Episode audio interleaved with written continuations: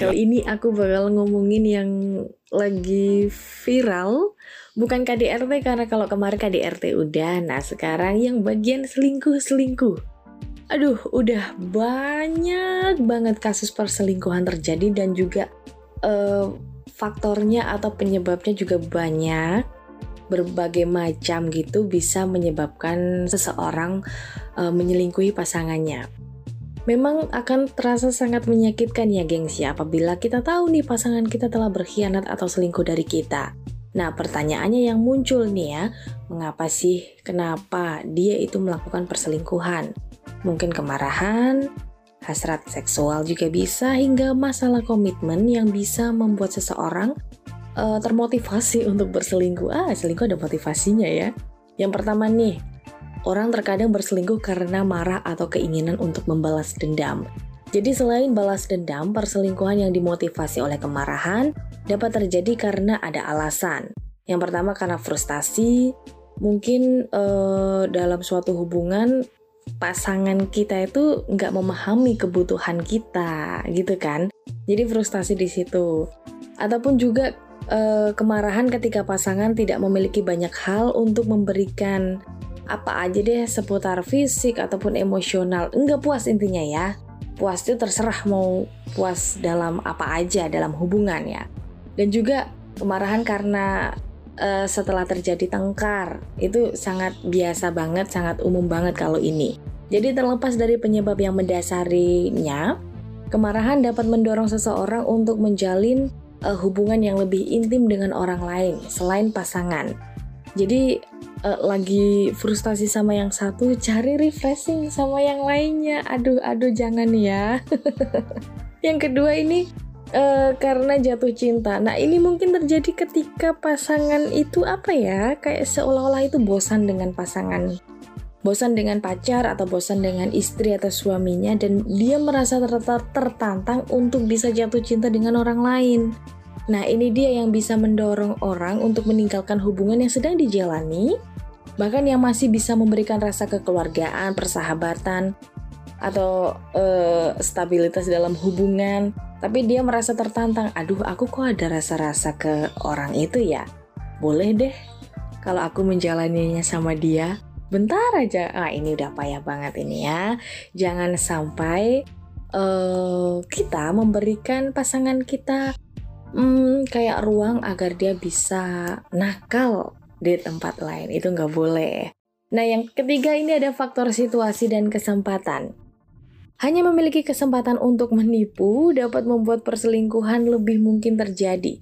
Dan hal tersebut bukan berarti semua orang yang memiliki kesempatan untuk membohongi akan melakukan selingkuh. Seseorang mungkin tidak memilih untuk menipu jika hanya ada satu atau dua faktor yang terlibat. Namun ini ya, ada kombinasi faktor-faktor lain atau kesempatan-kesempatan lain uh, yang bisa membuat dia lebih memilih untuk selingkuh. Misalnya nih, perhatian dari teman kerja. Itu yang sangat bikin resah setiap istri di rumah, setiap pacar gitu kan. Gimana kalau kita nggak satu tempat kerja sama pacar, sama uh, suami atau sama istri, jadi kita nggak tahu apa yang dia lakukan sama rekan kerjanya. Aduh, jadi overthinking kalau ngurusin kayak kayak gini ya. Oke, okay, next ini adalah masalah komitmen dan dalam beberapa kasus orang-orang yang sulit komitmen malah cenderung mereka bisa selingkuh. Mungkin saja dua orang dalam suatu hubungan punya uh, pemikiran yang beda tentang memandang sebuah status hubungan itu seperti apa. Tapi di sisi lain, seseorang juga mungkin benar-benar menyukai seseorang namun masih takut dalam membuat komitmen dengannya.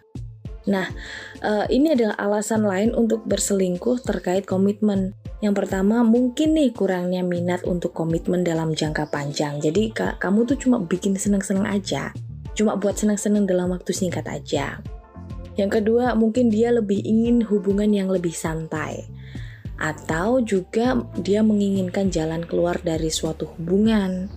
Jadi, dia takut komitmen, mendingan dia cari yang lain aja deh gitu kan?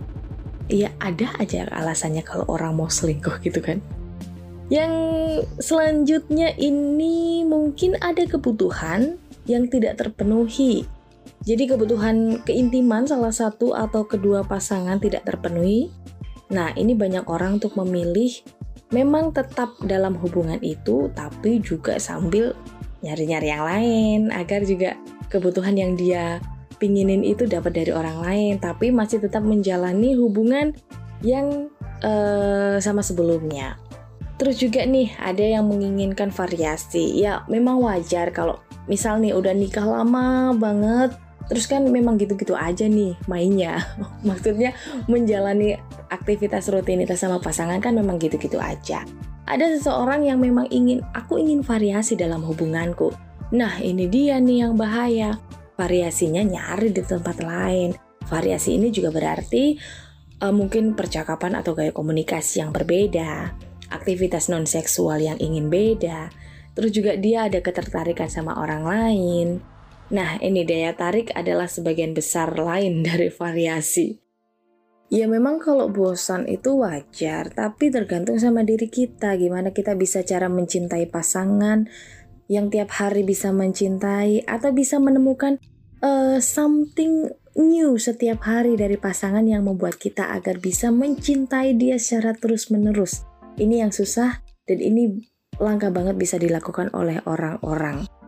Faktor yang terakhir adalah harga diri. Menginginkan dorongan untuk sebuah harga diri juga bisa memotivasi untuk melakukan perselingkuhan. Jadi banyak orang yang berselingkuh karena masalah harga diri untuk memiliki pasangan yang penuh kasih dan suportif. Aduh, urusan selingkuh udah urusan harga diri, ini udah paling parah. Jadi jangan sampai kamu berselingkuh ya kalau nggak mau kena karma.